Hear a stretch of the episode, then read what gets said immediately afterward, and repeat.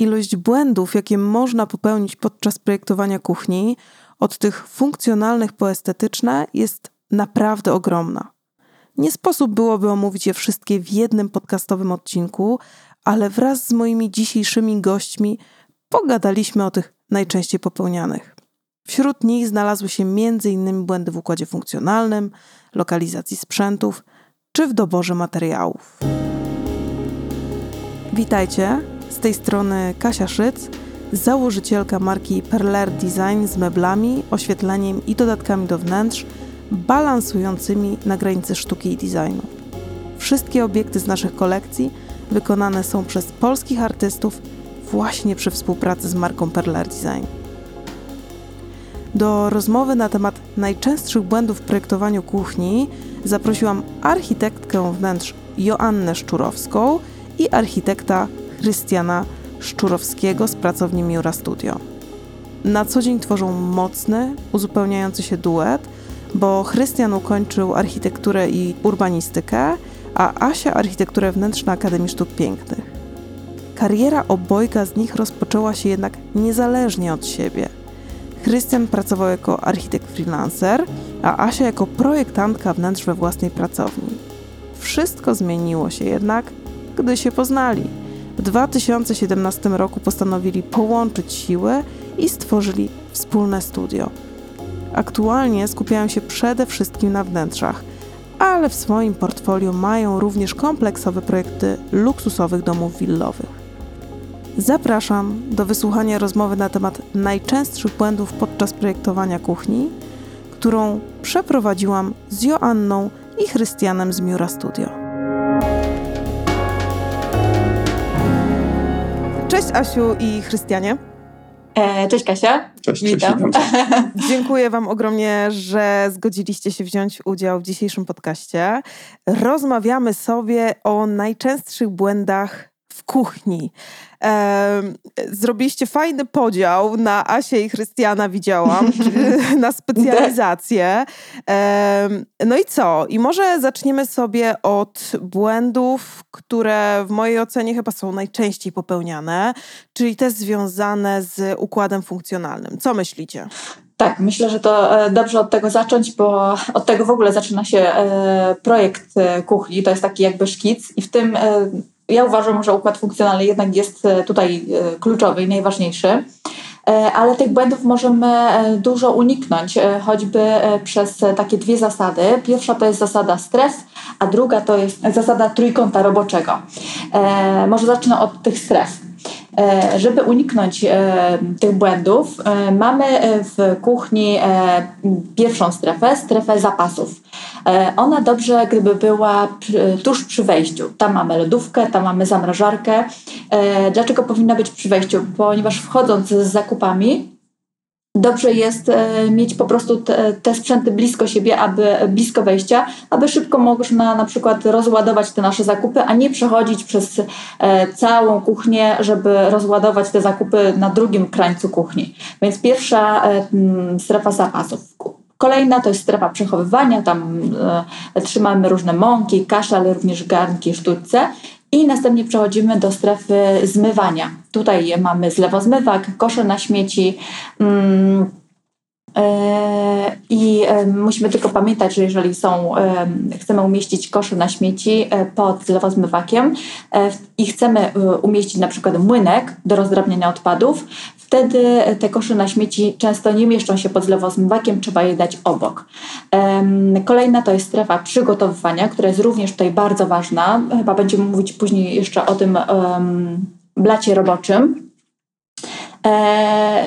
I kolejna, ostatnia to jest strefa gotowania. No to tutaj wiadomo, e, piekarnik, płyta grzewcza, mikrofala. Jeżeli mamy te wszystkie strefy tak poukładane, e, to wtedy e, po prostu unikamy takiego chaosu w kuchni. Zasada trójkąta roboczego mówi po prostu o rozmieszczeniu trzech ważnych elementów kuchni. To jest lodówka, piekarnik i zlewozmywak.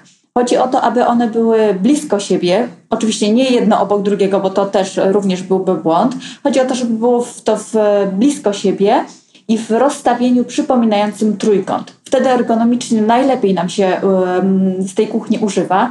Oczywiście no, nie, moż, nie jest tak, że zawsze możemy zastosować tą zasadę trójkąta, e, bo gdy mamy na przykład kuchnię w formie aneksu, w formie takiej zabudowy jednorzędowej, no to jest to po prostu niemożliwe. E, wtedy również oczywiście nie, nie, nie rozpatrujemy to jako błąd. Natomiast jeżeli mamy taką możliwość, to y, zawsze tą zasadę stosujemy, zasadę trójkąta roboczego. Okej, okay. a co to znaczy powiedz mi blisko siebie? E, blisko siebie, no to fajnie gdyby na przykład lodówka i, z, lodówka i zlewozmywak były tak od mniej więcej 120 do, do 2 metrów, mhm. mniej więcej tak. E, teraz zlew i płyta podobnie od 120 do 200-210 e, i lodówka i płyta od 120 do no, maksymalnie 2,5 metra gdzieś bym powiedziała. Okej, okay. dobra. Mniej więcej tak. Mhm. I wtedy po prostu najwygodniej nam się gotuje, wyciąga te wszystkie rzeczy, myje i tak dalej, tak, tak dalej. Tak, dokładnie, mhm. tak. Dobra. Okej. Okay. Czy jeszcze tutaj w kwestii błędów funkcjonalnych, e, układu funkcjonalnego można by było coś dodać z Waszej perspektywy? Mm, co tutaj jeszcze? Myślę, że to są takie ogólne informacje, bo tak naprawdę te tematy można e, bardzo szczegółowo rozwijać, każdy element, e, ale to są tak naprawdę informacje, które są podstawowymi takimi informacjami odległości od siebie. Myślę, że to w kolejnych pytaniach na pewno będziemy rozwijać te tematy. To myślę, tak. że taki dla wstępu e, ogólny układ funkcjonalny, to myślę, że to jest najbardziej, najbardziej istotne informacje. Jasne. Dobra, mnie też bardzo ciekawi temat tych błędów instalacji wodno-kanalizacyjnej, bo to w zasadzie chyba się też robi gdzieś na etapie projektowania układu funkcjonalnego, nie? Tak, e, to jest podstawa tak naprawdę e, projektowania e, układu pod instalację albo nawet na odwrót, bo mamy układ i dopiero potem tworzymy instalację. Trzeba też znać instalacje, wiadomo, nie tylko wodno-kanalizacyjne, ale również wentylacyjne i elektryczne, bo to jest tak naprawdę komplet instalacji w kuchni. E, więc jeżeli chodzi o instalacje wodno-kanalizacyjne, to należy pierwsze uwzględnić, abyśmy e, nie popełnili błędu, czyli zlokalizowali tego w złym miejscu, czyli tam, gdzie nie trzeba. E, zazwyczaj pod zlewem mamy podpięcie wody, odpływ i zasilanie w wodę kranu baterii kuchennej. I też zazwyczaj obok zlewu lokalizujemy zmywarkę. Więc y, zasilanie zmywarki już nie y, lokalizujemy jej odpływ za zmywarką, tylko obok, czyli najlepiej pod zlewem, abyśmy mieli dobry do tego dostęp. W razie jakiejś awarii, czy y, po prostu dowolnego w każdym momencie zakręcenia wody w zmywarce, ponieważ producenci tak naprawdę zalecają po każdym użyciu zmywarki zakręcenie wody, czego nikt tak naprawdę nie robi. E, jest tak. to tylko zabezpieczenie producentów przed tym, że jeżeli jest jakiś, jakaś awaria i ewentualnie woda się wyleje, no to żeby nie mieli e, ludzie do nich pretensji. Więc jest to taki, można powiedzieć, e, no zapis, zapis tylko producenta, wiadomo, że nikt tego nie robi po każdym tak. użyciu zmywarki, że Nie ma tego odniesieniu, tak, odniesienia w praktyce zupełnie. Tak, tak. ale jakby nie było mhm. i tak, tak lepiej zrobić zasilanie obok niż za zmywarką, tego raczej nie powinniśmy zrobić, to jest błąd. Mm, kolejnym elementem jest y, na przykład brak lokalizacji y, zasilania w wodę lodówki, e, czy chłodziarko zamrażarki, czy samej chłodziarki, e, która ma automatyczną kostkarkę. Jeżeli chcemy mieć w lodówce automatyczną kostkarkę, to trzeba przewidzieć też instalację zasilania w wodę takiej lodówki. Mhm. Więc to jest też podstawa. A zdarza wam się w waszej praktyce, że ktoś o tym w ogóle nie pomyśli? Nawet nie, nie pomyśli, nie bierze pod uwagę, że lodówka może mieć na przykład automatyczną kostkarkę, natomiast w trakcie projektu, kiedy my omawiamy możliwości, yy, na przykład, że jest też opcja z automatyczną kostkarką, klienci dopiero się o tym dowiadują. Jeżeli projektujemy to na samym początku, od zera taki projekt, no to wtedy wiadomo, przedstawiamy takie możliwości i unikamy takiego błędu. Natomiast jeżeli klient już ma wybraną e, swoją lodówkę albo e, zdecydował się na, jakiś, na jakąś lodówkę lub e, zaczął instalacje wodno-kanalizacyjne, zanim my przystąpiliśmy do prac, no to wtedy tak naprawdę E, potrzebujemy zmiany układu, można powiedzieć, wodno-kanalizacyjnego, e, który no, polega tylko na podłączeniu tak naprawdę dodatkowo wody do takiej lodówki, więc na etapie remontu nie jest to żaden problem, e, bo można to wykonać w każdej chwili. E, no, gorzej, jeżeli już mamy naprawdę na przykład zrobioną instalację, plus pomalowane ściany, wykończone elementy, no i wtedy nagle klient zdecyduje, że a jednak chce mieć lodówkę z skarpą automatyczną i potrzebuje tej wody, no to wtedy wiadomo, no musimy troszeczkę zrobić bałaganu i tą wodę po prostu doprowadzić do takiej lodówki. Okay. No ale wszystko się da, jak to się mówi, wykonać. Jasne. A co z elektryką? Z elektryką, więc tak, jeżeli chodzi o błędy, to możemy popełnić parę błędów, jeżeli chodzi o elektrykę. E, podstawą jest e, złe loka, zła lokalizacja e, gniazdek, czyli tak naprawdę zasilania wszystkich sprzętów AGD, które mamy, sprzętów stałych, jak i tych małego AGD. Jeżeli chodzi o sprzęty stałe, to tak samo jak ze zmywarką, lokalizujemy wszystkie gniazdka e, raczej obok sprzętów niż za sprzętami. To jest też błąd, bo jeżeli chcemy taki sprzęt wypiąć, czy zrestartować chociażby w jakiś sposób przez wyłączenie z zasilania, no to musimy go wyciągnąć. Natomiast jeżeli mamy to zlokalizowane obok, no to wiadomo, z każdej szafki czy półki, która znajduje się obok tego sprzętu, jesteśmy w stanie po prostu takie, taką wtyczkę wyciągnąć w każdej chwili. E, też e, zamiast lokalizować, nie wiem, jeżeli mamy 4-5 sprzętów obok siebie, to lokalizowanie e, każdego gniazdka osobno.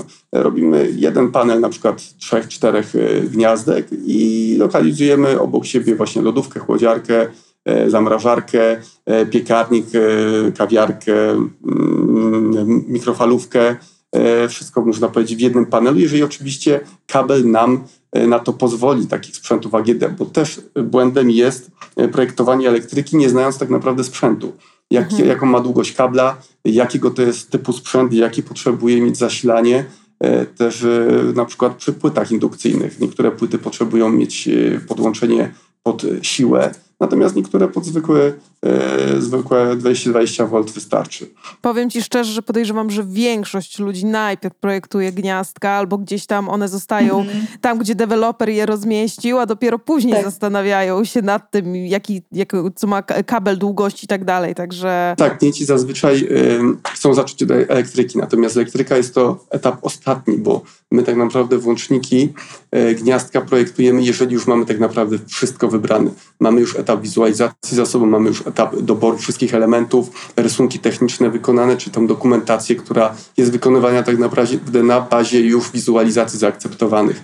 Mhm. Więc elektrykę my w etapie projektowym robimy na samym końcu.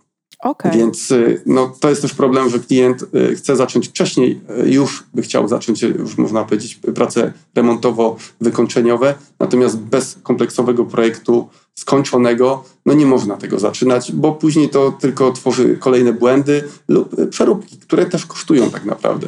Tak. Więc trzeba to naprawdę dobrze przemyśleć i dobrze zaprojektować. Też wracając do gniazdek, lokalizacja gniazdek sprzętów AGD już została poruszona, natomiast teraz chodzi o sprzęt e, małego AGD, czyli gniazdka nad blatem lub w innych miejscach typu wyspa. E, więc tak, podstawową informacją, żeby nie popełnić błędu, jest wysokość lokalizacji gniazdka nad blatem. Kiedyś to gniazdka lokalizowane były dosyć wysoko, natomiast teraz ze względów wizualnych my na przykład lokalizujemy je zazwyczaj 15, maksymalnie 20 centymetrów E, od osi gniazdka e, od blatu. Czyli oś, oś gniazdka do blatu to jest około 15-20 cm. Wtedy pozwala to na e, dosyć ładny wygląd tego gniazdka na tej ścianie czołowej oraz wysokość pozwala nam na korzystanie z tego blatu pod gniazdkiem, czyli nie musimy za każdym razem czegoś przesuwać, odsuwać, żeby z gniazdka okay. skorzystać. Super Bo tak naprawdę to mhm. jest, to jest taka, e, tak, taki, taka wytyczna, która e, można powiedzieć nam e, tutaj prowadzi do wysokości tego gniazdka. Też jeżeli chodzi o lokalizację gniazdek na przykład na, blacie, na wyspie, zazwyczaj pierwsza myśl to jest gniazdka nablatowe, czyli wysuwane lub jakieś otwierane na blacie. E, dla mnie jest to też jednak błędem, ponieważ blat roboczy jest do pracy na blacie, powinien być funkcjonalny, natomiast lokalizując takie gniazdka zabieramy sobie ten, ten blat. E, takie gniazdka też e, są no, wizualnie w momencie, kiedy z nich korzystamy, nieładne. Kolejnym takim, można powiedzieć, problemem jest no, zabrudzenia tych gniazdek. To wszystko tam wpada, wszystkie okruszki, wszystko, co tam tak naprawdę gotujemy, zachlapania, to wszystko nam, można powiedzieć, te gniazdka zabrudza. Więc jak najbardziej otwierane gniazdka takie uchylne, ale z boku wyspy. Tak samo albo ewentualnie zwykłe gniazdka, ale z boku wyspy. Lub jeżeli mamy cofniętą wyspę na hokery, gdzieś w tej wnęce, gdzie nie będzie tego widać, a dalej możemy sobie e, ten sprzęt podpiąć w każdej chwili do takiego gniazdka, można powiedzieć, bardziej ukrytego. Więc to jest taka nasza rada. Oczywiście są zwolennicy takich gniazdek, tutaj nie negujemy, jeżeli ktoś mimo tych, można powiedzieć, które wspomniałem, e, wad, e, godzi się z tym, no to jak najbardziej nie jest to e, błąd, którego nie można wykonywać, ale Mhm. no jednak warto Trzeba się nad tym świadomość po zastanowić. prostu. Tak. Tak. Mhm. A powiedz mi jeszcze, chyba że jeszcze chcesz coś dodać w związku z tą elektryką? Jeżeli chodzi o gniazdka, to tak, jak to się mówi, gniazdek nigdy za wiele, więc też trzeba zawsze sobie zaprojektować ilość gniazdek pod swoje potrzeby. My zawsze klientów pytamy, jakich sprzętów używają, jakie sprzęty będą chcieli używać w tej kuchni. Czy te sprzęty będą w zabudowie, jak na przykład kawiarka, e, czy będzie to wolno stojący ekspres, czy ktoś ma termomixa, e, czy ktoś e, będzie korzystał cały czas z jakiejś na przykład sokowirówki lub blendera. Takie sprzęty wtedy na przykład nam się pojawiają na stałe na blacie lub ukrywamy je w jakichś szafkach, które są, jak to się mówi, e, w każdym momencie dostępne, czyli w jakichś e, wysuwanych tacach lub wysuwanych półkach e, spod, podblatowych. I wtedy takie instalacje pod te gniazdka, te gniazdka trzeba dobrze zlokalizować, żebyśmy nie musieli tak naprawdę przepinać jednego sprzętu, żeby wpiąć drugi. Więc ilość tych gniazdek tak naprawdę powinna być dedykowana pod konkretną e, osobę, która z tej kuchni będzie korzystać. E, wiadomo, najgorsze rozwiązanie jest, jak mamy za mało gniazdek i trzeba to cały czas przepinać, więc czasem mamy panel dwóch gniazdek na, e, nad blatem, a czasem może to być nawet 4-5 e, gniazdek, więc tak naprawdę e, lepiej No wziąć trzeba sobie to dobrze lepiej więcej gniazdek niż mniej. Mhm, Jasne. Tak, tylko że to są chyba i koszta, i też estetyka trochę siada, czy nie? E, tak, no wiadomo, jeżeli e, mamy mm, w ogóle tak naprawdę jakby nie było gniazdek, to było najładniej. Natomiast wiadomo, coś na blacie się musi pojawić. Chociaż e, są rozwiązania, to może wspomnimy też o, później o takich tipach, e, rozwiązaniach, Tak. jak taki sprzęt można fajnie ukryć, żeby dalej kuchnia wyglądała ładnie, a sprzęt można e, gdzieś zlokalizować, który byłby zawsze, jak to się mówi, pod ręką, a nie byłby on widoczny na blacie, ten blat, żeby on był zawsze dostępny, czysty, ładny i dostępny do pracy, a nie, że będziemy mieli tam po prostu cały czas e, mnóstwo sprzętu rozłożonego i bałaganu. Tak. Więc to myślę, że w tipach o tym opowiemy. Dobra, to wrócimy do tego. Mhm. I jeszcze nam została nasza wentylacja. Tak, e, wentylacja jest bardzo ważna w kuchni, e, ponieważ musi być tak naprawdę, nawet ze względów warunków technicznych. E, powinna być wentylacja kuchni oraz jakiś pochłaniacz lub okap. Jeżeli mamy rekuperację, wtedy stosujemy mm, pochłaniacz. Natomiast jeżeli mamy wentylację grawitacyjną, możemy stosować zarówno pochłaniacz, jak i okap.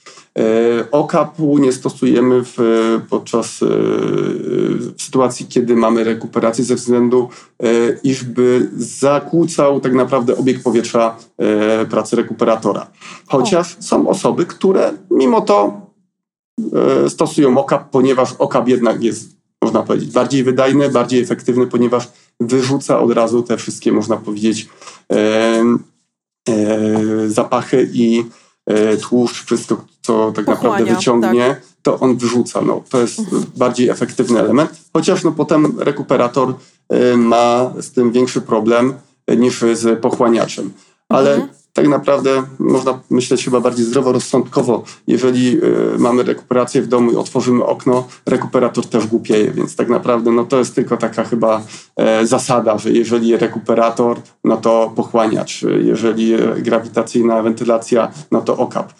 No niby jest to błąd stosowanie e, rekuperatora z okapem, ale według mnie chyba tak naprawdę zależne to jest bardziej od preferencji osoby, która będzie z tego korzystała. Okapy Okej. są też bardziej, można powiedzieć, mniej estetyczne niż pochłaniacze. No wiadomo, musimy poprowadzić kanał wentylacyjny, który wiadomo jest, ma swój rozmiar, musimy go gdzieś ukryć. Więc jeżeli mamy wyspę, no to musimy to na przykład schować pod, e, pod sufitem podwieszanym lub na etapie budowy domu już zaproponować kanał w stropie.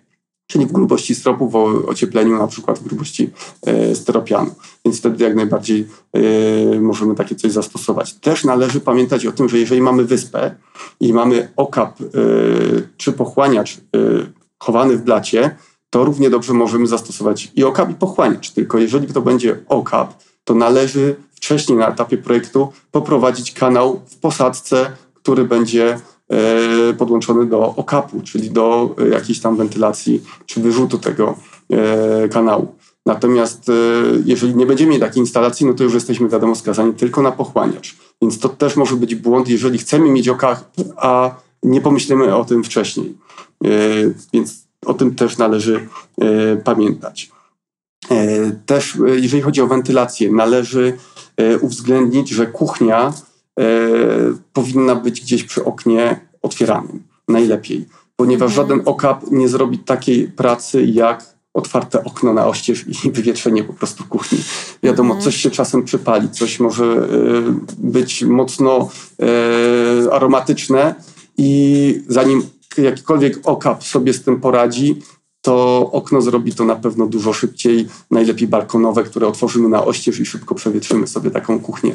Dodatkowym atutem też jest światło. Takie okno też wiadomo daje światło w kuchni, które tak. no, jest niezbędne. Więc też jeżeli mamy lokalizować sobie chociażby e, kuchnię, to patrzymy pod względem wentylacji, żeby takie okno było, ale też pod względem światła. Więc jeżeli mamy gdzieś możliwość e, lokalizowania blatu gdzieś w jakiejś, jak to się mówi, norce albo gdzieś z dala od okna, a się zastanawiamy, czy nie zrobić tego, na przykład nie przesunąć pod okno, no to zawsze rozwiązanie lokalizacji takiej kuchni z blatem pod oknem jest lepszym rozwiązaniem. Okej, okay, ja mam jeszcze pytanko. Wróciłam do tej instalacji wodno-kanalizacyjnej.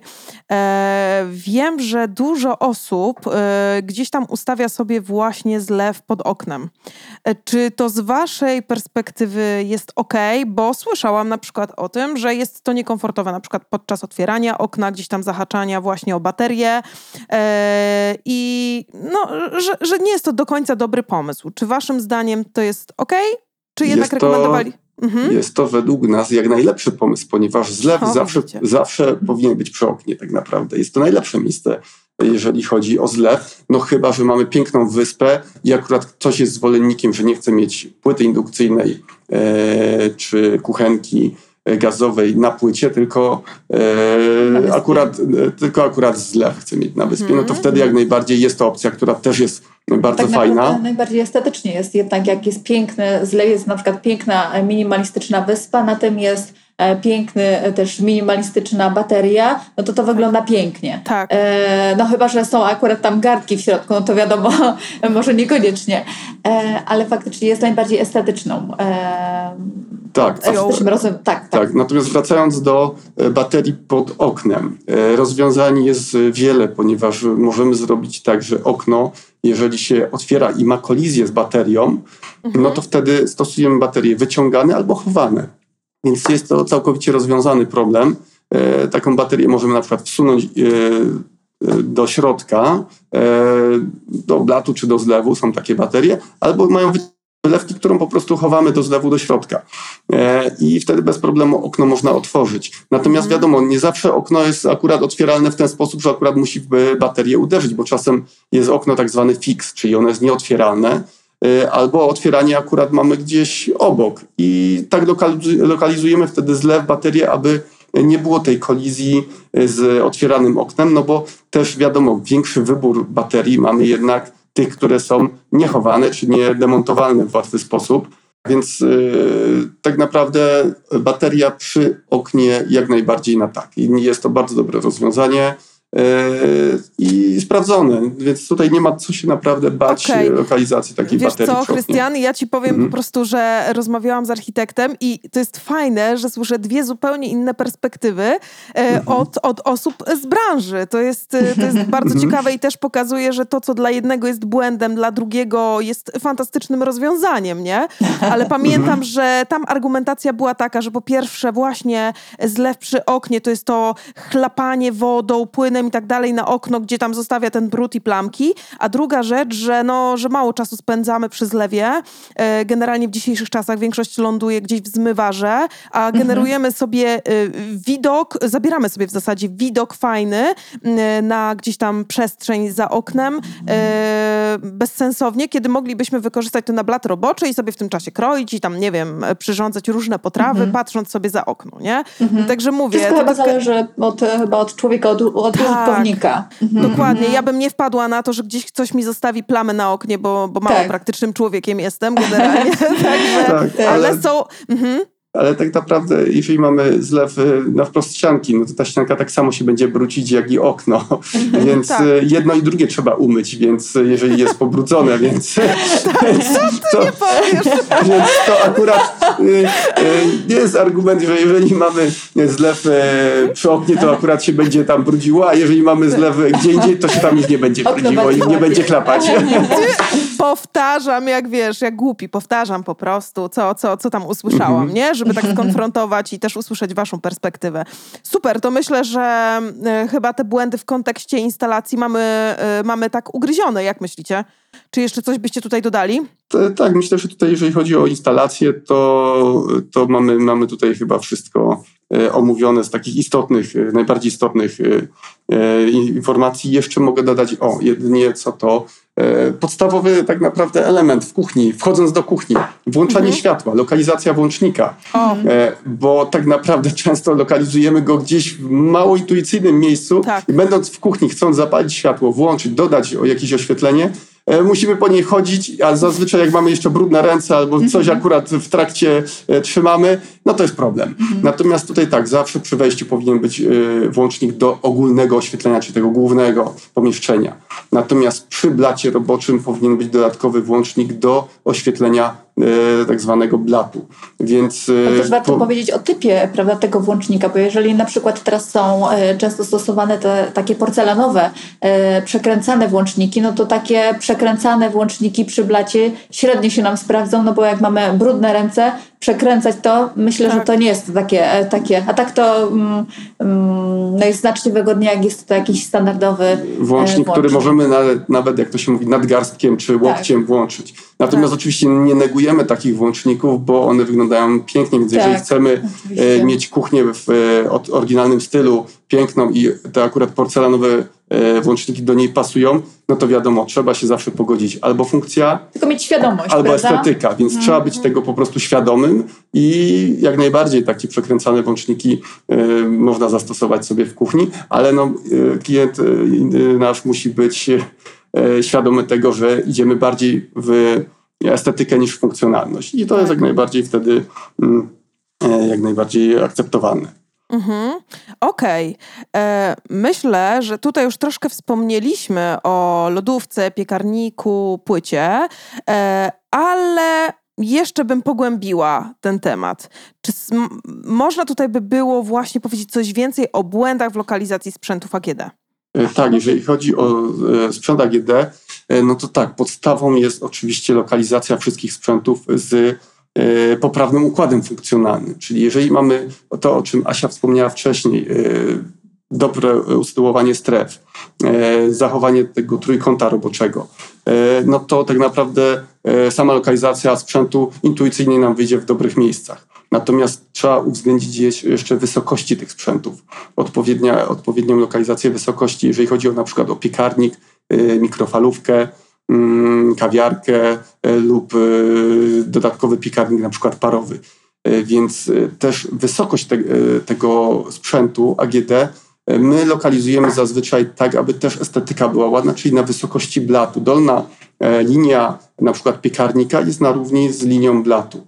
Mhm. Natomiast jeżeli e, lokalizujemy nad tym piekarnikiem w zabudowie słupkowej dodatkowe sprzęty, e, na przykład mikrofalówkę, e, no to i tak, jeżeli osoby, które będą z tego e, korzystać, e, są wzrostu niższego, no to wtedy cały ten słupek, można powiedzieć, obniżamy odpowiednio pod dane osoby. E, Tak samo jeżeli chcemy mieć na przykład trzy sprzęty, bo może być na przykład piekarnik, e, nad tym może być mikrofalówka i nad tym jeszcze dodatkowo na przykład winiarka lub kawiarka. No to wtedy też odpowiednio musimy to e, na odpowiednich wysokościach zlokalizować, tak aby na przykład mikrofalówka, która będzie się otwierała w ten sposób jak piekarnik, no, była y, odpowiednio funkcjonalna i z dostępem na przykład dla osoby, która ma 1,60 m, aby nie miała problemu z y, na przykład otwarciem takiego y, piekarnika czy mikrofalówki, która będzie się otwierać tak samo jak piekarnik, czyli drzwiczki w dół i wtedy no, musiałaby zaglądać tam do tej mikrofalówki albo podskakiwać, aby coś wyciągnąć. Tak samo korzystanie z kawiarki, więc wtedy to oczywiście musi być na odpowiedniej wysokości. Tak, wybacz, że ci wejdę w słowo, ale tak sobie myślę w kontekście wysokości, że na przykład rodzice są bardzo wysocy, a dzieciaki to jeszcze są krasnalki. I mhm. E, co wtedy? Bo one też przecież korzystają na przykład z mikrofalówki, nie? E, jeżeli są nastolatkami. Tak, więc, co, co, co rekomendujecie wtedy? Więc tak, no zazwyczaj stosuje się to pod osoby jednak dorosłe, ponieważ okay. wiek dziecka, wiadomo, zmienia się i dzieci rosną, więc tak. to, co zrobimy kuchnię na przykład teraz, E, to nie jest tak, że będziemy ją za dwa lata zmieniać, no chyba, że taki jest plan. Natomiast mhm. wiadomo, dzieci podrosną i kuchnia dalej zostaje i dzieci w pewnym momencie do tego, jak to się mówi, dorastają. Dorastają albo po prostu zmieniają już potem sobie e, mieszkanie, więc stawiam, że raczej nie ma e, co tutaj e, no, podejmować decyzji pod dzieci, które tak naprawdę i tak podrosną. E, no chyba, że jest taki zamysł, że faktycznie mamy to taką opcję, że póki co robimy kuchnię pod dzieci, które mają teraz na przykład metr wzrostu czy metr dwadzieścia, a za 2-3 lata sobie tą kuchnię po prostu przerobimy i zrobimy ją e, te sprzęty wyżej, tak jak powinny być, żeby każdy mógł z tego wygodnie korzystać. No to nie ułatwi jeszcze sprawy. Zakładamy, słuchajcie, że para ma kompletnie różny wzrost, bo ja mam takich znajomych, dziewczyna ma 1,50 m, a facet ma 1,90 m. O, u nas jest I, podobnie. Tak. O, jest widzicie, podobnie. Znaczy ja trochę wyższa jestem faktycznie, Aha. ale u nas jest podobnie. Tak, no i więc, co wtedy? tak naprawdę trzeba znaleźć e, kompromis, więc Aha. E, wiadomo, każdy korzysta z tego sprzętu, ale kto korzysta więcej, to wtedy trzeba bardziej dopasować pod tą osobę chyba, która będzie z tego korzystała częściej, więcej. E, a osoba, która korzysta mniej, no musi się po prostu bardziej dopasować. Mhm. Więc e, wtedy, no wiadomo, e, ogólne wymiary tak naprawdę są dopasowane pod standardowy wzrost, więc wiadomo, gdzieś jest ten standard. Więc tak naprawdę, jeżeli ktoś ma poniżej 1,50 m, no to wtedy wychodzimy dopiero po, po, powyżej tego standardu. Tak samo, jeżeli ktoś ma powyżej 1,85 m czy 1,90 m, to też dopiero wychodzimy poza ten standard. Więc jeżeli e, mieścimy się w tych wymiarach takich naprawdę, na przykład kobieta 1,60 m, mężczyzna 1,80 m, no to, to będzie dalej jeden wymiar. Okay. Dopiero takim, no można powiedzieć, skrajnym e, rozwiązaniem jest, jeżeli kobieta ma na przykład poniżej 1,50 m czy 1,50 m, a mężczyzna powyżej 1,90 m, no to wtedy dopiero tak naprawdę czujemy tą różnicę. Tak. E, I wtedy dopiero musimy iść na jakiś kompromis. Natomiast standardowe wymiary są ujednolicone w taki sposób, że sprawdzają się naprawdę i dla wysokich, i dla niskich. E, tak samo e, wysokość blatu też e, jest różna, między 85 a 100 centymetrów mamy wysokość blatu. Mhm. Też właśnie pod tą sytuację, że osoby niższe mają 85 centymetrów, osoby bardzo wysokie, tak właśnie nawet powyżej 90, 90 mają blat na wysokości metra. Natomiast standardem jest właśnie 90 centymetrów. To jest takie rozwiązanie, które jest dobre dla i wysokich, i dla niskich, więc no, zawsze ten standard y, jest taki, można powiedzieć, ogólnie dobrze dopasowany dla większości osób. Okej. Okay. Gdzieś, gdzieś słyszałam, że 10-15 centymetrów licząc od zgięcia łokcia. Nie wiem, czy, czy ta metoda jest przez Was rekomendowana, ale słyszałam, że niektórzy w ten sposób podchodzą do to tematu. To wyjdzie tak naprawdę automatycznie. Yy, przy tym, co mówiłem, jeżeli blat tak. będzie mieć 85 centymetrów, osoba będzie miała 70, 60 no to akurat nam wyjdzie, wyjdzie ta wysokość. Natomiast przy metrze, jeżeli wysokości blatu, jeżeli ktoś będzie 1,90 m, to akurat automatycznie, jeżeli zegnie łokcie, to akurat wyjdzie, wyjdzie mu ta wysokość. Więc tak naprawdę te proporcje, te e, wymiary, one mają, e, one się po prostu w sobie zawierają. Mhm. Dobra. Ale tak, zgadza się, że to jest mniej więcej tak, jeżeli stoimy, zgniemy łokcie, no to to jest akurat te 10-15 centymetrów mniej więcej.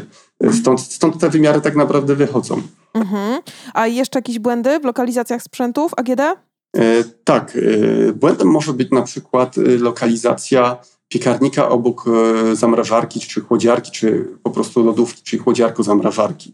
E, niektóre firmy zastrzegają sobie, że nie można lokalizować e, piekarnika, czyli gorącego, ciepłego urządzenia, które się nagrzewa do wysokich temperatur, obok urządzenia, które wiadomo chłodzi, więc ono potrzebuje tam, jakby to powiedzieć, więcej powietrza i, i chłodu, e, aby działać funkcjonalnie.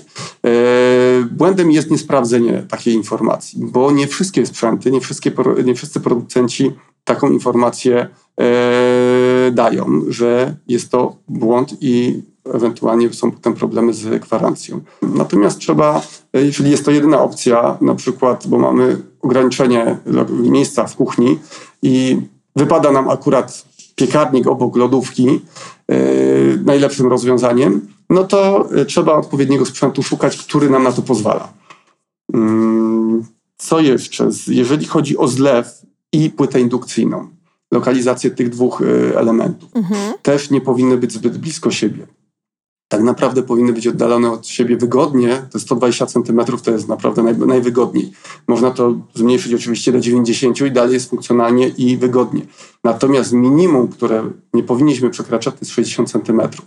E, wynika to z tego, że e, gotując na płycie indukcyjnej, na przykład e, sma, smażąc rozgrzany olej, coś nam w zlewie chlapnie, chluśnie nam woda, no to wiadomo, woda plus olej rozgrzany, no to może Tak. być dosyć wysoki płomień, który coś nam może na przykład stopić górną szafkę czy jakiś element lub nawet doprowadzić do pożaru. Więc to jest też błąd. Zbyt bliska lokalizacja płyty indukcyjnej czy gazowej do zlewu. Też e, błędem jest lokalizowanie zmywarki zbyt daleko od e, zlewu. E, Powinny być tak naprawdę obok siebie.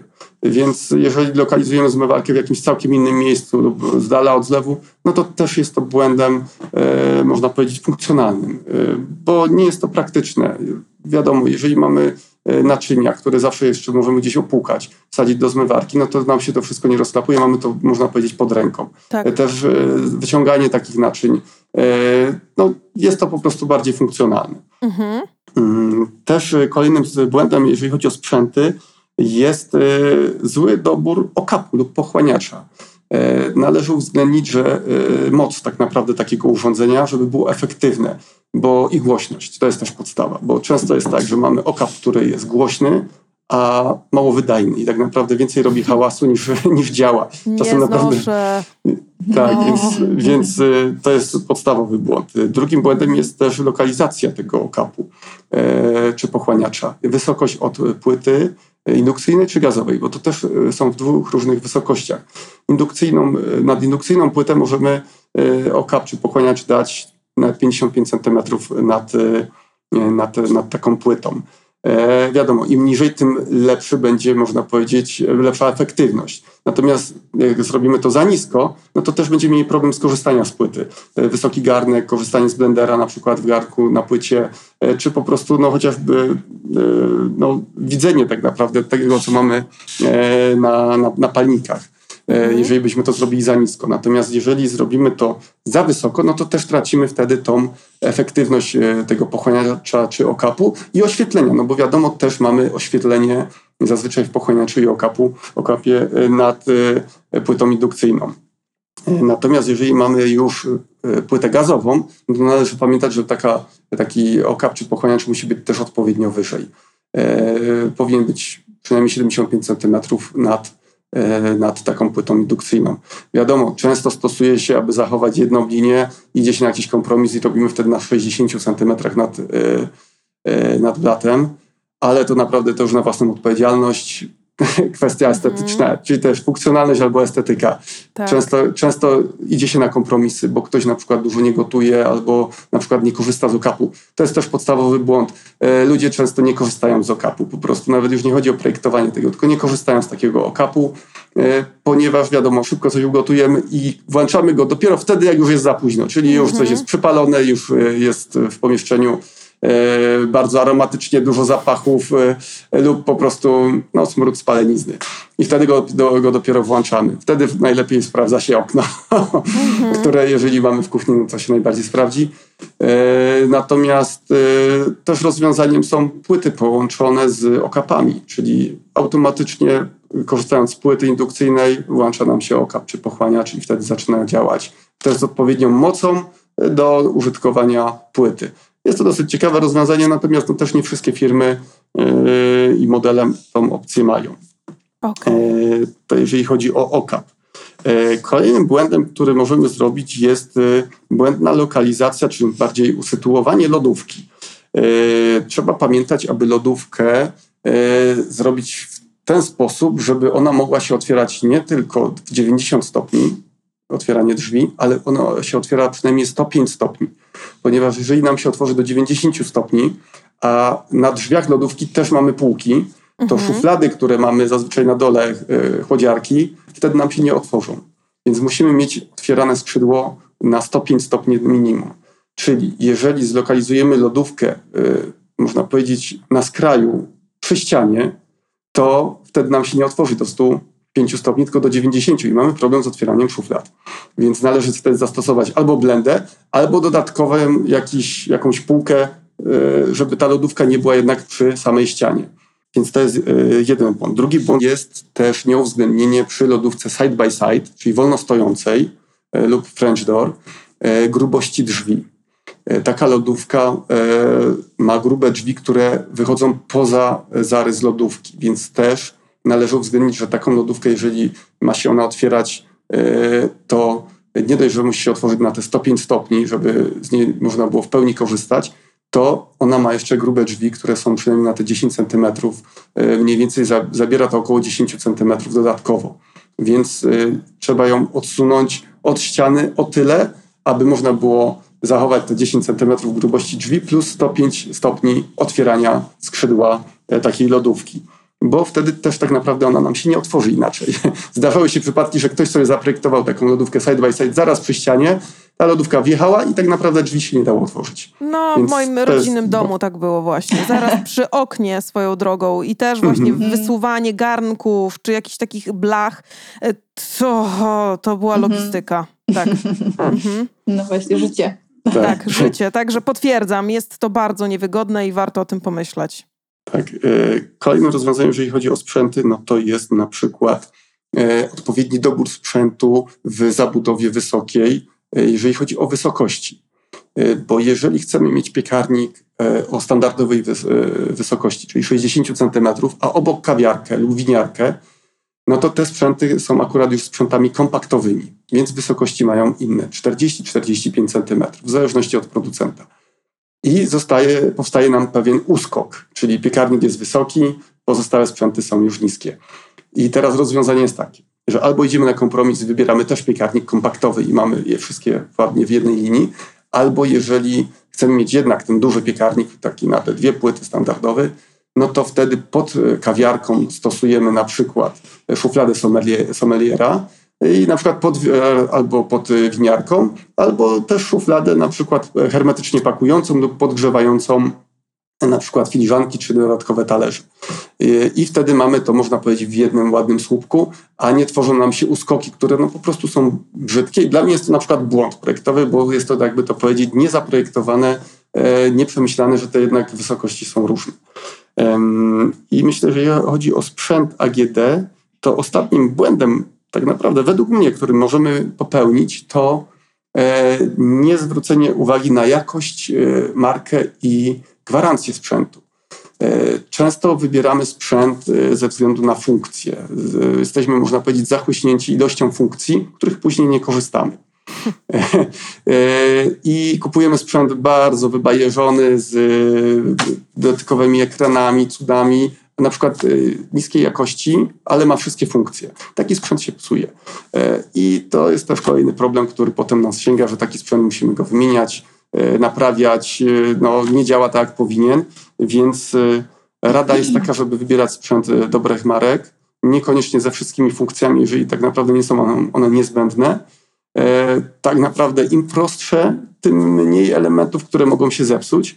Mm, I sprzęty, które mają na przykład nie dwuletnią, tylko pięcioletnią gwarancję. Tak naprawdę Okej. wybierając sprzęt najdroższy czy najtańszy e, z dwuletnią gwarancją, po prostu on po tych dwóch latach może się zepsuć. I niestety no teraz producenci e, no chyba stawiam, że robią to świadomie, że te sprzęty mają się psuć. E, Dlatego my na przykład projektujemy i dobieramy w naszych projektach sprzęty tylko, które mają przynajmniej 5 lat gwarancji, bo nawet jeżeli się zepsują po tych dwóch latach, to przynajmniej mamy to na gwarancji, że zostanie on wymieniony czy naprawiony e, bez żadnego problemu. Też wiadomo, im lepsza marka i też wtedy im droższy sprzęt, tym też serwis działa dosyć lepiej. E, Czasem Mhm. też, e, jak to się mówi, door to door, czyli możemy zgłosić problem, przyjeżdża firma, która naprawia to od razu na miejscu lub wymienia sprzęt od razu od ręki, e, też e, na miejscu nam od razu to z montażem. Więc no, to są takie atuty, można powiedzieć, sprzętów premium, a nie musimy tego sprzętu wyciągać, zawozić, reklamować, dochodzić do tego, co się ewentualnie zepsuło. Więc Fajnie, że o tym wspominasz, że czasem mniej funkcji, ale porządniejszy sprzęt y, sprawdzi się tak naprawdę lepiej. Tak, no naprawdę y, często z tych wszystkich y, funkcji, które są, y, nie wiem, korzystamy. dziesiąt, dziesiątki, dziesiątki opcji, nie korzysta się tylko ze standardowych i naprawdę warto czasem przemyśleć, czy chcemy mieć funkcjonalny, czy ładny, czy tak naprawdę taki, który będzie trwały. Tak. Mm, Więc na pewno co polecam to 5 lat gwarancji, szukać takich sprzętów, które to Dobra. mają 5 lat. Okej, no to popowiadałeś sporo o tych sprzętach AGD i błędach w ich lokalizacji, no ale mamy jeszcze często do czynienia z małym AGD, no właśnie poustawianym na blacie, takim jak czajnik czy toster na przykład. E, powiedzcie mi, jakie tutaj z kolei można popełnić błędy w lokalizacji? E, Jeżeli chodzi o małe AGD, to wydaje mi się, że głównym błędem jest to, że jest e, tego AGD typu toster, e, czajnik, Thermomix po prostu za dużo na tym blacie. I mamy piękną kuchnię, pięknie zaprojektowana, wszystko się zgadza i nagle wchodzi w życie tutaj toster, opiekacz. Tego jest po prostu za dużo, źle to wygląda, a, klienci często nie, nie wiedzą, że że jest mnóstwo takich tipów, jak to schować. Na przykład e, trzeba pamiętać, że mamy e, obecnie możliwość na przykład schowania Thermomixa. E, często chowamy go na przykład w wysokiej zabudowie. Jest taka, mm, otwiera się szafka i jest na wyjeżdżanej tacy schowany Thermomix. Najczęściej lokalizujemy go w miejscu, gdzie łączy się niska zabudowa z wysoką zabudową, właśnie w tym rogu. I po skończonej pracy po prostu Thermomix wjeżdża e, na tej tacy do tej szafki, zamykamy go i e, nie, nie widzimy go. Także jest e, to, to e, fajny patent. E, Kolejnym jest na przykład krajalnica. Krajalnica też bardzo brzydko wygląda. Fajnie zastosować jest szufladę właśnie z wbudowaną krajalnicą. To jest też, też, też fajny tip. Aha, mam Mo- pytanko, mhm. czy właśnie te tipy, one się sprawdzają wyłącznie w dużych kuchniach, czy one też mają zastosowanie w małych kuchniach? Czy z Twojej perspektywy da się to upchać właśnie dodatkową szufladę na Thermomix, czy właśnie krajalnicę? Czy tutaj już jest większy kłopot? Myślę, że jeżeli chodzi o Thermomixa, to jak najbardziej. Teraz e, właśnie odbieraliśmy wczoraj czy przedwczoraj e, kuchnię, w której właśnie zastosowaliśmy tego Thermomixa e, w naprawdę niedużej, niedużej kuchni, a ten e, róg taki, gdzie właśnie spotyka się niska zabudowa razem z e, wysoką zabudową, jest taki, że klienci często nie wiedzą, co tam trzymać, e, taki, taki często jest niewykorzystany. A e, myślę, że e, lokalizacja tam Thermomixa jest, jest bardzo e, dobra i funkcjonalna, więc e, Okej. Myślę, że jak najbardziej. Mhm. Mm, Teraz, jeżeli chodzi na przykład o ekspres albo czajnik. Ekspres oczywiście możemy e, zrobić w zabudowie. E, Wygląda on bardzo ładnie, ale to już koszty rosną. Taki ekspres w zabudowie jest z reguły znacznie droższy. Mm, Możemy go estetycznie schować, na przykład e, tworząc taki kącik kawowo-herbaciany. Bardzo ładnie to wygląda, szczególnie w takich stylowych kuchniach, chociaż w nowoczesnych również, poprzez stworzenie w wysokiej zabudowie e, takiego kącika przez otwieranie drzwi em, W systemie W systemie chowanym, chowanym. czyli fronty Tak. y, po otwarciu y, wsuwają się w głębokość zabudowy. Tak, tak. Atena Calderon wiem, że ma coś takiego u siebie w domu i super to wygląda, potwierdzam. Mhm. Tak, tak.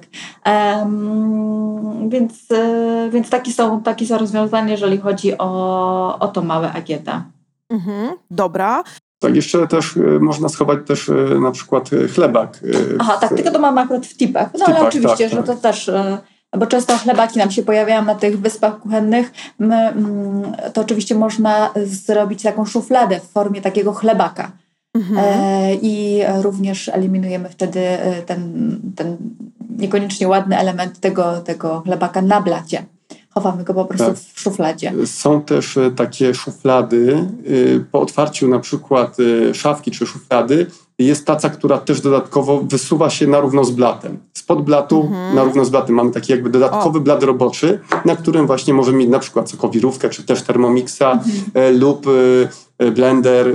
Te sprzęty, których tak naprawdę nie chcielibyśmy mieć na blacie, nie stosujemy ich aż tak często, a możemy je po prostu sobie zawsze wyciągać i chować, więc to też jest dodatkowe rozwiązanie. A powiedzcie mi właśnie te dodatkowe szuflady, jakieś takie ciekawe patenty, e, to raczej oferują duże marki, duże firmy, które specjalizują się właśnie w zabudowach kuchennych. Czy takie rzeczy możemy też uzyskać poprzez współpracę z mm, stolarzami?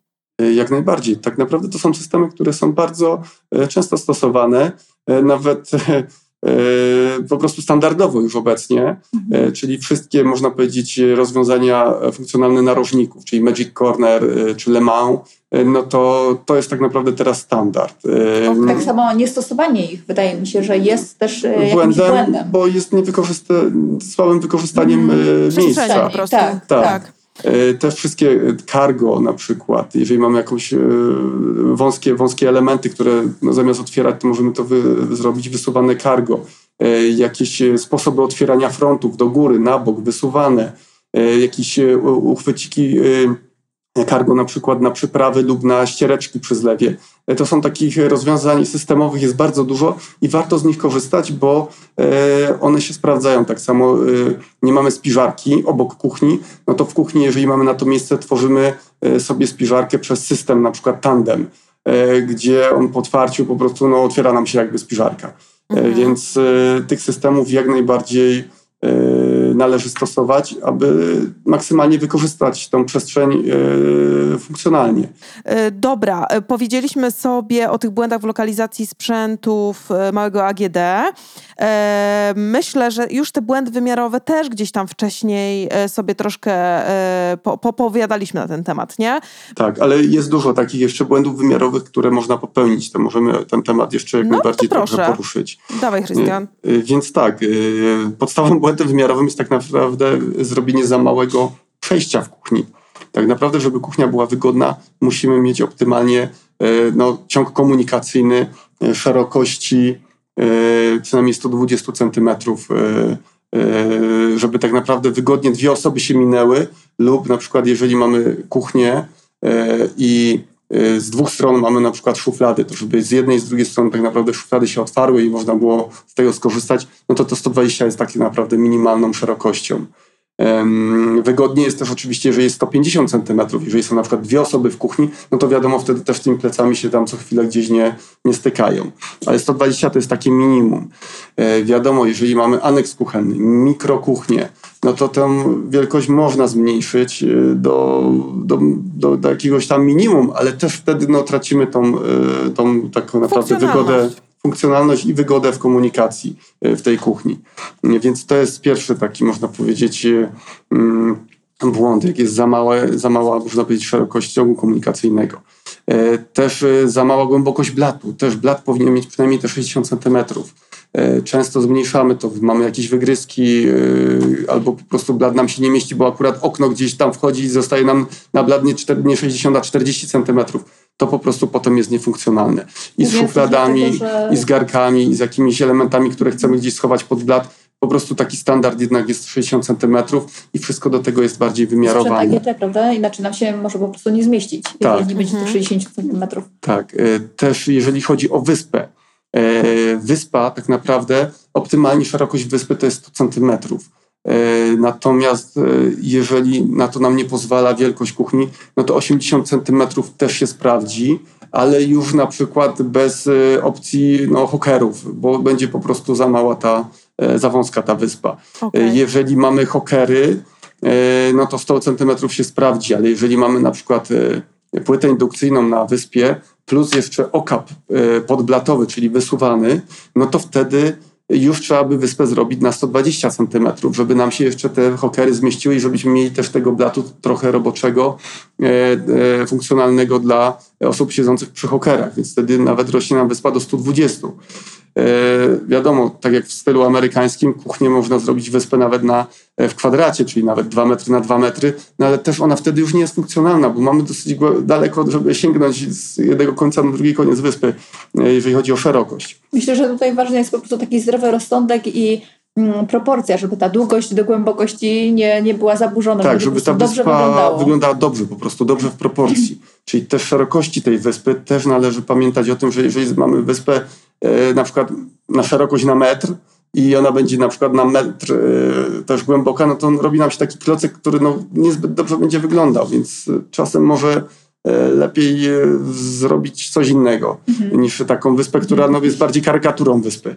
Tak. Mm, tak. wiele osób marzy o takiej wyspie, także... Tak, tak. Właśnie mieliśmy też taką klientkę, która bardzo chciała mieć e, w mieszkaniu właśnie w, w bloku, bardzo chciała mieć wyspę, no ale wyspa wychodziła tam chyba na właśnie 80 centymetrów szerokości i e, głębokości e, i chyba 100 centymetrów długości i tak no nie, nie za dobrze to wyglądało, dlatego zrezygnowała. e, Ostatecznie zrezygnowała.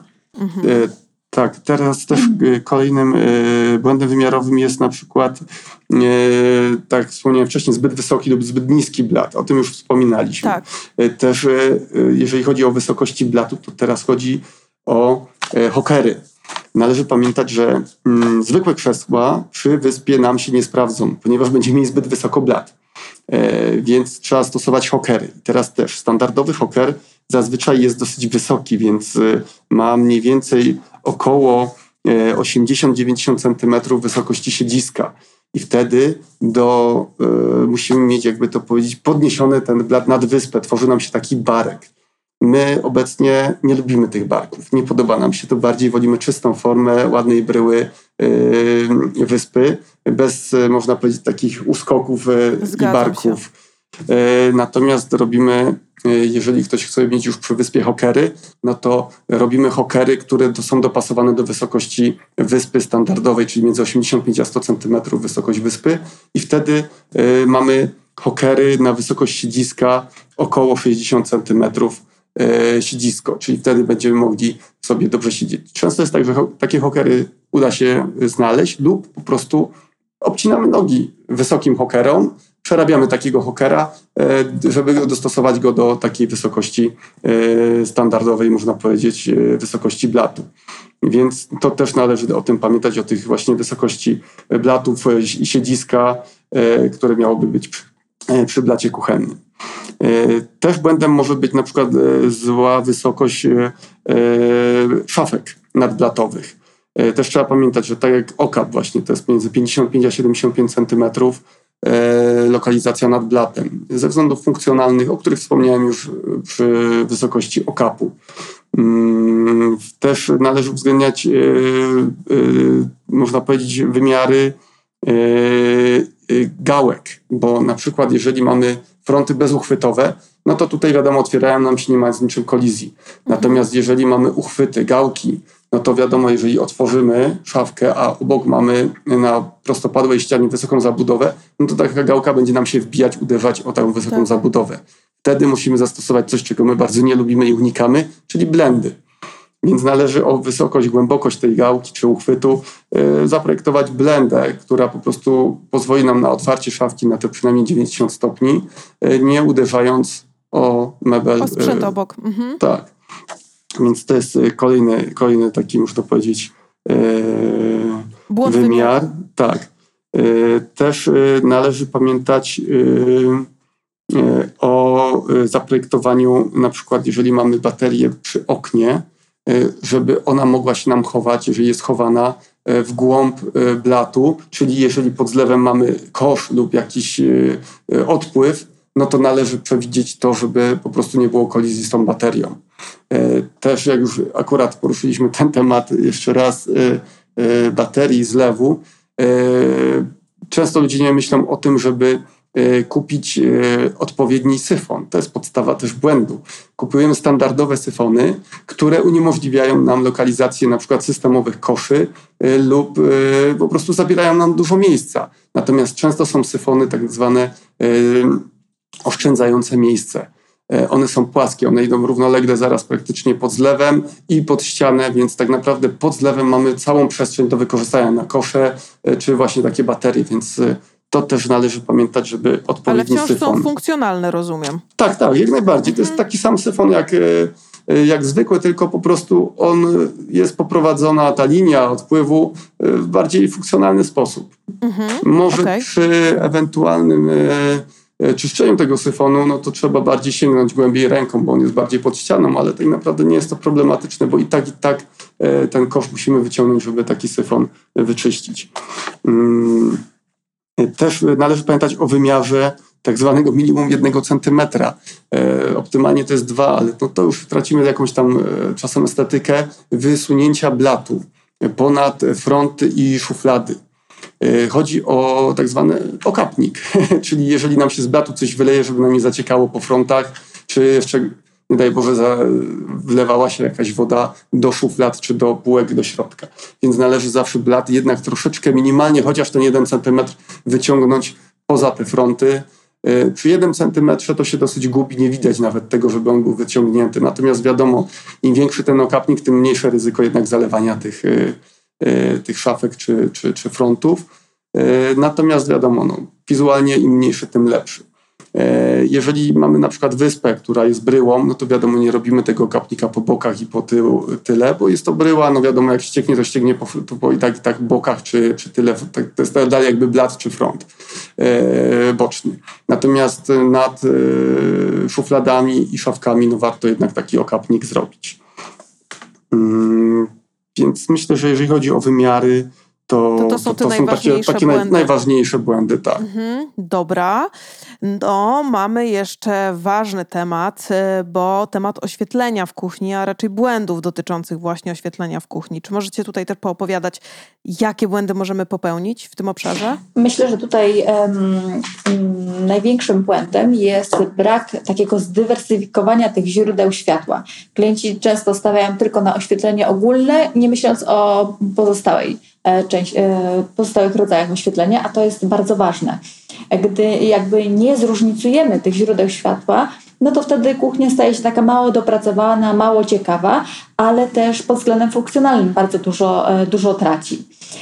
I tak, na przykład co mam na myśli? Czyli mm, są różne typy tego oświetlenia. Jest oświetlenie ogólne, oświetlenie blatu. Oświetlenie blatu jest bardzo ważne. Montujemy wtedy na przykład listwy LED w szafkach górnych, aby nam ten cały blat roboczy pięknie doświetlił. Um, również oświetlenie w okapie, ale również e, miejsce do siedzenia, bo często obok mamy jakiś stolik albo przy wyspie siedzimy. E, i oświetlenie dekoracyjne i dodatkowe. Na przykład dodatkowe oświetlenie jest na przykład w szufladach. E, też, też mm, bardzo ładnie wygląda, ale jest też bardzo e, praktyczne. efektowne i praktyczne, tak. Jeżeli chodzi o samo oświetlenie o moc, no to fajnie, gdy na przykład to oświetlenie ogólne to jest około 300 lumenów, ale to, gdzie pracujemy przy blacie roboczym 500, a nawet 700 lumenów.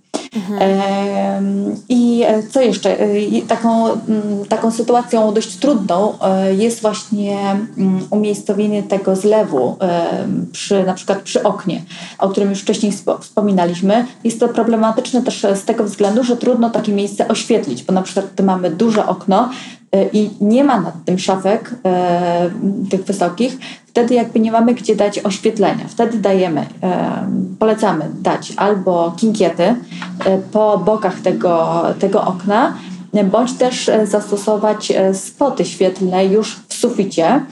Tylko musimy tutaj z ważną uwagę, aby te spoty nie montować nawet troszkę za nami, tylko jednak bezpośrednio nad tym na przykład zlewem, e, ponieważ gdy spoty są ustawione choćby trochę za nami, wtedy my schylając się tworzymy cień e, i już wtedy już naprawdę nic nie widać, ani Tak. w tym zlewie, albo przy blacie roboczym, więc to oświetlenie w kuchni w ogóle jest, uważam, bardzo ważnym, jako miejsce e, do, do pracy. Nie tylko tutaj mówię o jakby dekoracji, chociaż te zróżnicowanie światła jest e, bardzo ważne, nie tylko o, o rodzajach, ale i typ, jeżeli chodzi o typ światła, też jest tutaj bardzo ważne. Jedne jest bardzo mocne, drugie jest takie nastrojowe. To wszystko wpływa również na estetykę. E, I też ważną uwagą jest to, żeby jednak barwa światła była e, taka sama mm, w, w tym pomieszczeniu, żebyśmy nie stosowali na przykład w jednej części bardzo, e, bardzo ciepłego, a na przykład oświetlenie pod szafkami e, byłoby bardzo zimne. E, To wtedy też jest błąd, bardzo się to kłóci estetycznie, wizualnie to bardzo źle wygląda. Tak, na temat właśnie oświetlenia, między innymi w kuchni rozmawiałam właśnie już z Karoliną Mhm. e, Michałkiewicz-Kasiną i tam też wspominałyśmy o tym, że Tak. naprawdę w kuchni trzeba bardzo, ale to bardzo zadbać o to oświetlenie, żeby Tak. nam się dobrze pracowało, nic nam nie przeszkadzało. Tak, to jest Mhm. bardzo ważne. Mhm. Tak. E, Jeszcze byś, Asiu, coś tutaj dodała? Czy myślisz, że to są takie najważniejsze błędy? To chyba są, tak mi się wydaje, że najważniejsze błędy. Mhm. Okej. E, Dobra, to co jeszcze e, mamy do omówienia, to na pewno e, materiały, wybór materiałów w kuchni, mm, na przykład na blat, podłogę czy fronty. Jakie błędy możemy tutaj popełnić? Powiedzcie mi. Czy tak, na pewno y, błędem, jeżeli chodzi o dobór materiału, jest nieświadomość y, tak naprawdę, jaki materiał dobieramy. Bo tak naprawdę, jakby to powiedzieć, ktoś się uprze, to każdy materiał możemy y, zastosować, tyle że musimy znać jego e, słabe strony. Więc na przykład, jeżeli chcielibyśmy w kuchni mieć na podłodze panele podłogowe, zwykłe, no to jest to błąd, ponieważ jeżeli ktoś na siłę chciałby mieć panele, no to musi wybrać panele, które mają odpowiednie parametry, nadają się do kuchni. Są takie panele, które mają odpowiednie parametry odporności na wodę, czyli nie puchną jak zwykły panel, tylko jeżeli coś się tam wyleje, no to one mają jakąś tam odporność na, na stosowanie na przykład takiego panela w kuchni. E, tak samo jest e, z doborem e, kamienia naturalnego. E, też chodzi mi o marmur, czyli czy byłaby to podłoga, czy blat, no to ogólnie e, każdy mówi, że marmur nie nadaje się na blat. W Polsce jest taka tendencja. Natomiast we Włoszech tak naprawdę większość kuchni jest wykonanych właśnie z e, marmuru, ponieważ im nie przeszkadza to, że marmur no, jest wapieniem, więc on chłonie tak naprawdę e, wszystko, co się na niego, e, można powiedzieć, wyleje czy dostanie Tak. i powstają plamy, których nie da się usunąć. Natomiast e, wiadomo, w Polsce jest tendencja, że blat musi być taki, jak się go kupiło, to on musi być przez całą swoją żywotność e, praktycznie nienaruszony. Więc e, dlatego marmur no, w naszych polskich warunkach no, większość osób uważa jako błąd A e, z waszej zastosowania. perspektywy? E, tak naprawdę ja chętnie taki blat bym e, sobie zastosował, mimo że, tylko, że jestem świadomy tego, że będą plamy. Natomiast no, jest taka anegdota, że e, we Włoszech ktoś wylał wino na blat, był poplamiony, czerwone plamy na, na blacie. I ktoś mówi, no ale tu jest plama, a Włoch mówi, no ale jakie to było wino, jaki rocznik. Jaki więc, więc, e, No więc tak. inne podejście, inne podejście w ogóle Tak. do tego. To jest blat, który żyje, który wiadomo ma jakąś historię. I to jest ten urok, prawda? To jest urok Tak, tego. mhm, Natomiast absolutnie. to trzeba lubić. E, To trzeba być świadomym tego. Więc wtedy, jeżeli godzimy się na to, że blat e, będzie miał jakieś plamy, będzie no, materiałem żywym, który będzie się zmieniał z biegiem czasu, no to jak najbardziej blat marmurowy jest no, z fantastycznym materiałem, bo marmur jest materiałem szlachetnym, naturalnym, wspaniałym e, i estetycznie no, pięknym, więc jak najbardziej jest do zastosowania, ale trzeba być świadomym. Natomiast e, jeżeli nie marmur, tyle że marmur akurat właśnie, atutem marmuru jest to, że jest jasny, więc jeżeli chcę mieć jasny e, blat, e, no, kamienny jednak, no to wchodzi w grę marmur lub szukanie odpowiedniego e, granitu, zazwyczaj kwarcytowego, który czasem ma też takie przebarwienia, że można powiedzieć przypomina marmur. Też y, przy zastosowaniu granitu, no to też należy pamiętać, oczywiście marmuru też, o impregnacji blatu z kamienia. Y, Tym bardziej, jeżeli jest to marmur, y, no i granit oczywiście też, więc odpowiednia impregnacja zabezpiecza nam blat w ten sposób, że nie musimy się bać tych wszystkich soków z cytryny, ketchupu czy jakichś innych sosów, ponieważ no, po starciu takiego czegoś no, nie ma tej plamy. Natomiast jeżeli zostawimy taki blat ubrudzony, mimo impregnacji nawet na e, dzień i noc, e, to jednak ta plama może, może jednak wchłonąć się i zostawić plamę. E, Więc też należy o tym pamiętać. E, Błędem jest na przykład e, według mnie też e, mm, stosowanie materiałów e, e, lakierowanych na fronty w e, bardzo mocnym macie, e, ponieważ takie fronty nam się jednak palcują. E, Zostają te palce odbite. Jeżeli jeszcze mamy brudne ręce albo tłuste, to w momencie, kiedy chcemy to zetrzeć, szorować, to ten lakier nam się wyciera i zostają takie ślady szorowania. E, więc no, też jest to troszeczkę, e, no według mnie błędem. Stosowanie Okej, jednak, czyli sugerowałbyś satynkę albo w ogóle połysk. jeżeli lakier, to satyna, najlepszy, Mhm. czyli tak zwany półmat. E, ponieważ e, połysk, tak, nie dość, że już troszeczkę to odesz, od, odchodzi, odchodzi nam e, Tak. z trendów w połysku, to połysk też jest, ma bardzo podatny na rysowanie. Wszystkie przecierania, wycierania takich frontów, no widać takie mikroryski, które pod, no można powiedzieć, promieniami światła są bardzo widoczne, więc też potem to wygląda nieestetycznie, taka już z biegiem czasu kuchnia w pełnym lakierze. Więc tutaj, jeżeli już lakierowane e, fronty, no to raczej ten półmat, czyli satyna, najbardziej się sprawdza. Okej. Jeżeli chodzi o e, ścianę czołową, to często e, stosowało się, czy dalej nawet niektórzy stosują ścianę ze szkła. Chodzi o tą ścianę nad blatem, zaraz między blatem a szafkami ze szkła. Więc to czasem nazywa się też lakobel, jeżeli jest z jakimś nadrukiem. E, Więc należy pamiętać, że jeżeli mamy płytę indukcyjną czy gazową zaraz przy tym szkle, no to takie szkło powinno być hartowane.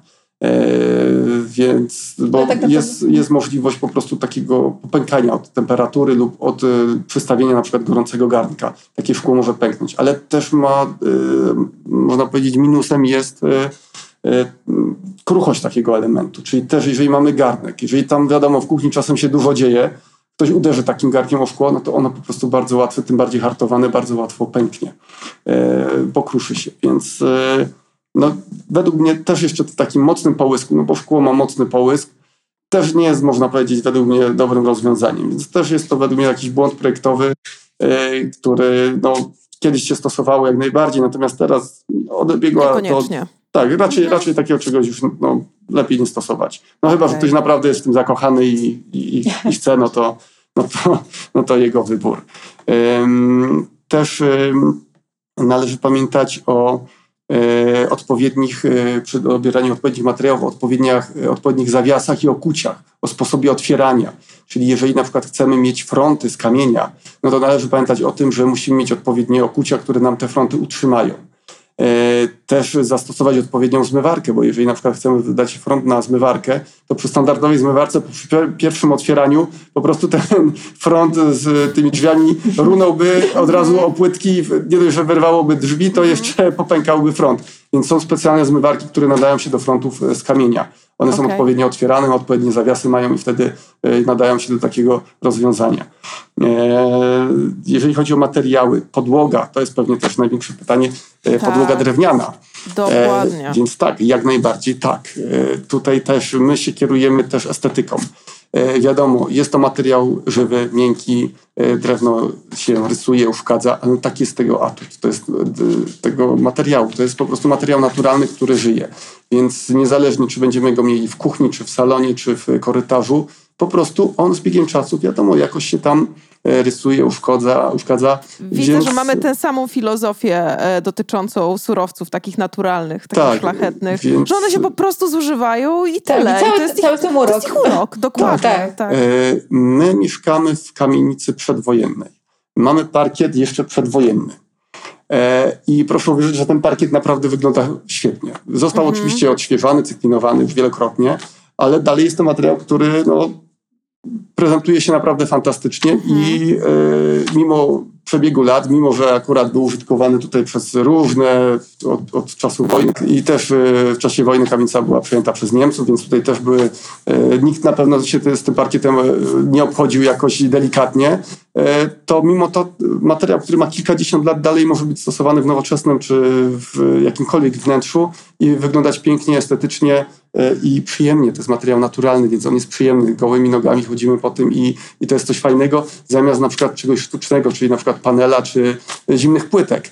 Mm, kolejnym atutem takiego rozwiązania z drewnianej podłogi jest to, że nie musimy robić odcięć, czyli jeżeli mamy w salonie kuchnię połączoną z salonem czy z jadalnią, Tak. e, to nie musimy robić e, tego przejścia między na przykład płytkami, bo tak naprawdę płytki są najbardziej, najczęściej stosowanym materiałem e, w kuchni, bo no jednak jest to najbardziej praktyczny i, i funkcjonalny materiał w kuchni, ale no wiadomo, gdzieś ta kuchnia się musi kończyć i musimy przejść do pozostałego pomieszczenia i tworzy nam się odcięcie, które już nie jest estetyczne. Tym bardziej, jeżeli na przykład mamy panele i tworzy nam się bardzo brzydka, brzydka listwa, e, która brzęczy i odchodzi, więc tego w ogóle nie Mhm. stosujemy. Okej. E, a natomiast przy drewnianej podłodze unikamy tego odcięcia. E, więc to jest e, bardzo estetyczne rozwiązanie i też funkcjonalne. Tym bardziej, jeżeli jest na przykład e, już podłoga drewniana, no to olejowana.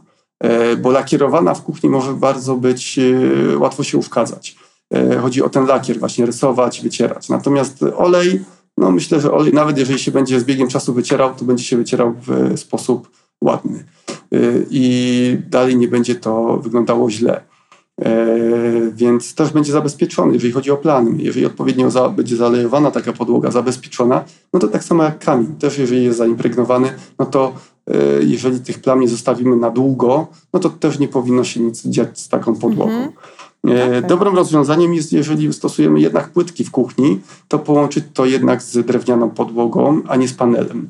Właśnie ze względu na możliwość połączenia to fugą elastyczną, bez stosowania tych e, metalowych listew. Po prostu Mhm. my tego bardzo nie lubimy, e, Ja ale też. chyba każdy z biegiem Mhm. czasu, bo te listwy po prostu odchodzą, brzeczą, Tak. wygląda nieestetycznie, zbiera się pod Tak. tym brud, więc naprawdę tego lepiej nie stosować. Unikamy. Ja myślę, że największą obawą osób, które mm, marzą o tym, żeby zastosować kuchnię, Boże, w kuchni e, właśnie drewnianą podłogę, ale mają swoje obawy, to dotyczą one zalania e, tego, Mhm. e, tej drewnianej posadzki, bo wiadomo, że drewno chłonie tę wodę.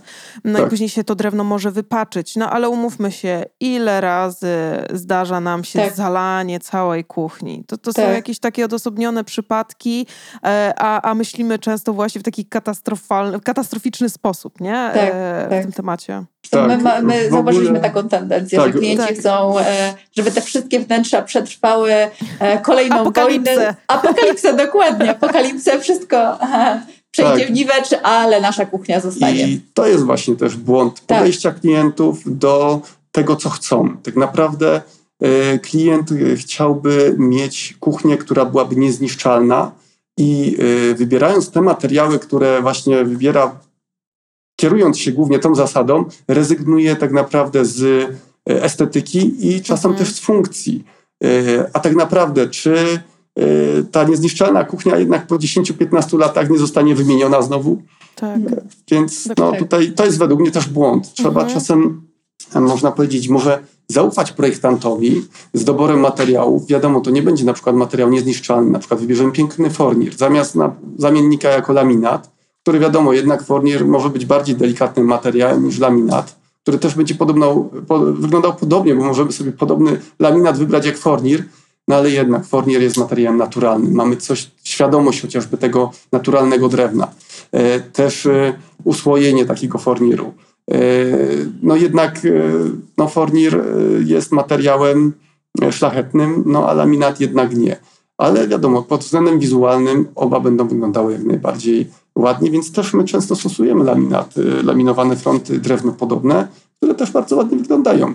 I to jest akurat e, też e, e, wybór dla kogoś, kto chciałby mieć bardziej funkcjonalny mebel. Mhm. Na przykład ma dzieci, które biorą i no, nie oszczędzają, jak to się mówi, mebli, więc Ach, te wtedy... dzieci. Ach, te dzieci. Więc wtedy jednak wiadomo, lepiej wybrać chyba fronty laminowane niż lakierowane czy fornirowane, no bo taki laminat no jednak na takie mechaniczne uszkodzenia e, no jest chyba bardziej odporny. Wiadomo, w laminacie najbardziej narażone są krawędzie. Jeżeli krawędź zostanie uszkodzona, zacznie się tam zbierać woda, no to może zacząć puchnąć. Natomiast dopóki tego tak naprawdę mechanicznie całkiem nie zniszczymy, no to są dosyć odporne. Mhm. Dobra. No i słuchajcie, chciałabym, żebyście mi troszkę tipów podali, takich kuchennych, no bo powiedzieliśmy sobie sporo o błędach, no ale myślę, że są jakieś patenty, które nie tylko mogą nas uchronić przed jakimiś funkcjonalnymi czy estetycznymi e, pomyłkami, ale też po prostu mogą upiększyć tą naszą kuchnię. No właśnie, te tipy są bardzo ciekawe i właśnie często, często są taką kropką nad i. E, I podoba mi się to, że często wchodząc do kuchni, dopiero te tipy odkrywamy. Więc właśnie takim fajnym, fajnym patentem na przykład jest e, choćby te e, otwierane cokoły, gdzie możemy schować na przykład miskę dla psa albo na przykład jakieś duże foremki. Rzadko, rzadko się to stosuje, a musimy pamiętać, że tą przestrzeń ten cokół też możemy jakoś estetycznie wykorzystać. Po zasunięciu w ogóle tego nie widać. E, kolejną fajną rzeczą e, jest na przykład podfiler. To jest e, bardzo, bardzo fajna bateria, to wylewka, która, którą mm, umiejscawiamy na osi płyty grzewczej i to jest Służy to głównie te, te, do tego, żeby nalać dużą ilość wody do garnka. Nie musimy wtedy razem z garkiem iść do tak. zlewu, tam nalać tą wodę, tylko po prostu już na miejscu wylewamy to. Tylko oczywiście musimy to już na, mm, na etapie instalacji wiedzieć, że to już tam będzie. Myślę, że w Polsce coraz bardziej te podfilery e, są popularne, często w takich dość stylowych kuchniach ale w, na przykład w Stanach Zjednoczonych to bardzo często to jest standard. To jest standard, mhm, tak. Tak samo tak. jak młynek do rozdrabniania odpadów. Tak również. Tylko wtedy musimy pamiętać, e, o tym już chyba wspominaliśmy, że nie wszystkie kosze na śmieci się wtedy mieszczą. E, wtedy na przykład często dajemy kosz na śmieci obok, jeżeli mamy ten, e, ten młynek. Kolejna rzecz to jest na przykład miejsce na mopa albo na odkurzacz, na przykład Dyson fajnie, gdy na przykład mamy na tyle miejsca w kuchni, abyśmy w tej wysokiej zabudowie przeznaczyli jedną wyższą szafkę. Ona musi być szeroka, może być troszkę węższa, na właśnie umiejscowienie tam właśnie albo odkurzacza, albo mopa. No bo mówmy się jednak, miejsce w kuchni jest najbardziej narażone na te zabrudzenia i tego się używa praktycznie codziennie. A jak jest to blisko, to wtedy używamy tego częściej. Gdy musimy iść, nie wiem, gdzieś do jakiejś spiżarki, gdzieś daleko miejsca gospodarczego, no to wtedy nie używamy tego już tak, tak często. Więc fajnie o tym pomyśleć, tylko wtedy również na etapie e, instalacji musimy pomyśleć tutaj o gniazdku, e, również w takiej zabudowie. Co jeszcze z takich typów, którego brak jest błędem?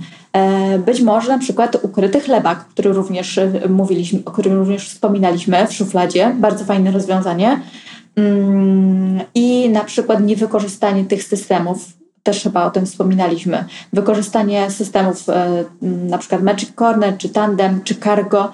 E, klienci też często mm, nie myślą na przykład o wykorzystaniu e, małego cargo w niskiej zabudowie na schowanie różnych na przykład ściereczek kuchennych czy jakichś detergentów. To bardzo często mm, tak zaburza w ogóle wygląd kuchni więc fajnie jest to wykorzystać pod schowanie na przykład e, ścierek kuchennych. Co jeszcze? Na przykład wykorzystanie gotowego wyposażenia szuflad. Na przykład, gdy chcemy e, mieć gdzieś schowaną folię spożywczą, no to fajnie wykorzystać również systemy do szuflad, gdzie chowamy tą folię spożywczą. Są takie suwaczki, przejeżdża się tym suwakiem i wyciąga odpowiednie e, na przykład kwadracik tego, tej folii spożywczej. To jest też bardzo wygodne. E, fajnym rozwiązaniem, którego e, zaczęli, które zaczęliśmy stosować jest na przykład szuflada ładująca. Cóż to takiego? My szufladę ładującą stosujemy, gdy mm, mamy na to miejsce i umieszczamy w niej gniazdka, gdzie możemy schować na przykład i podładować telefon okay. albo na przykład tableta tablet. Mhm. Jakiś powerbank też, bo ta, często tak. zazwyczaj jest w kuchni tak, że przychodzimy i zazwyczaj pierwsze co robimy to na blat wyrzucamy wszystkie swoje sprzęty. Mhm. Tak, Typu tak, tablet, tak. telefon, jeden, drugi, klucze tak. i tak dalej. Tak. A tutaj mamy taką szufladę, która po prostu wysuwamy, wrzucamy, to od razu nam się to ładuje. Fajnie. Tak. Mm, też zauważyliśmy, że często jest problem z mm, przechowywaniem tac, foremek, dużych desek. Oprócz tego, że możemy je schować w cokole, na przykład jakieś mało używane e, e, foremki na ciasta, możemy również przemyśleć w wysokiej zabudowie, na przykład u dołu, podzielić szafkę mm, pionowo. I wtedy ustawia się po prostu, w, e, wkłada się w te tace właśnie w te, e, w, w te jakby luki. Wygląda to bardzo fajnie, bardzo ciekawie i jest też bardzo estetyczne. Okej. E, I jeszcze kolejnym e, ciekawym rozwiązaniem, myślę, że to sprawdzi się w, w, przede wszystkim w dużych kuchniach, gdzie mm, mamy dużo miejsca, dwie zmywarki. To naprawdę bardzo fajnie Tak. się sprawdza. Unikamy wtedy po prostu kłopotliwego rozładowywania te zmy, tej zmywarki. Czyste naczynia bierzemy bezpośrednio ze zmywarki, a gdy naczynia się e, pobrudzą, wkładamy do zmywarki obok. Wtedy, wtedy e, Unikamy jest problemów w domu i konfliktów pewnie, Tak. kto ma rozładować Rozładow- zmywarkę. Dokładnie. Eee, problem załatwiony, tylko że to tak jak mówicie, to w większych kuchniach się sprawdzi. Tak? Tak, Tak, ale tak, można oczywiście. zrobić na przykład dwie 45. Okej. E, więc w mniejszych kuchniach Tak. dwie 45, w większych dwie 60. Tak, tak. To są bardzo indywidualne rozwiązania i musimy wszystkie dostosować do naszych potrzeb, m, do naszych oczekiwań i oczywiście błędem nie jest to, że nie wykorzystamy wszystkich naszych tipów, tylko to jest wszystko, kuchnia musi być e, szyta na miarę, e, czyli dostosowana do nas. Tak jest. Ja bym jeszcze dodał tak, e, z takich typów to e, stosowanie e, od razu wody z kranu.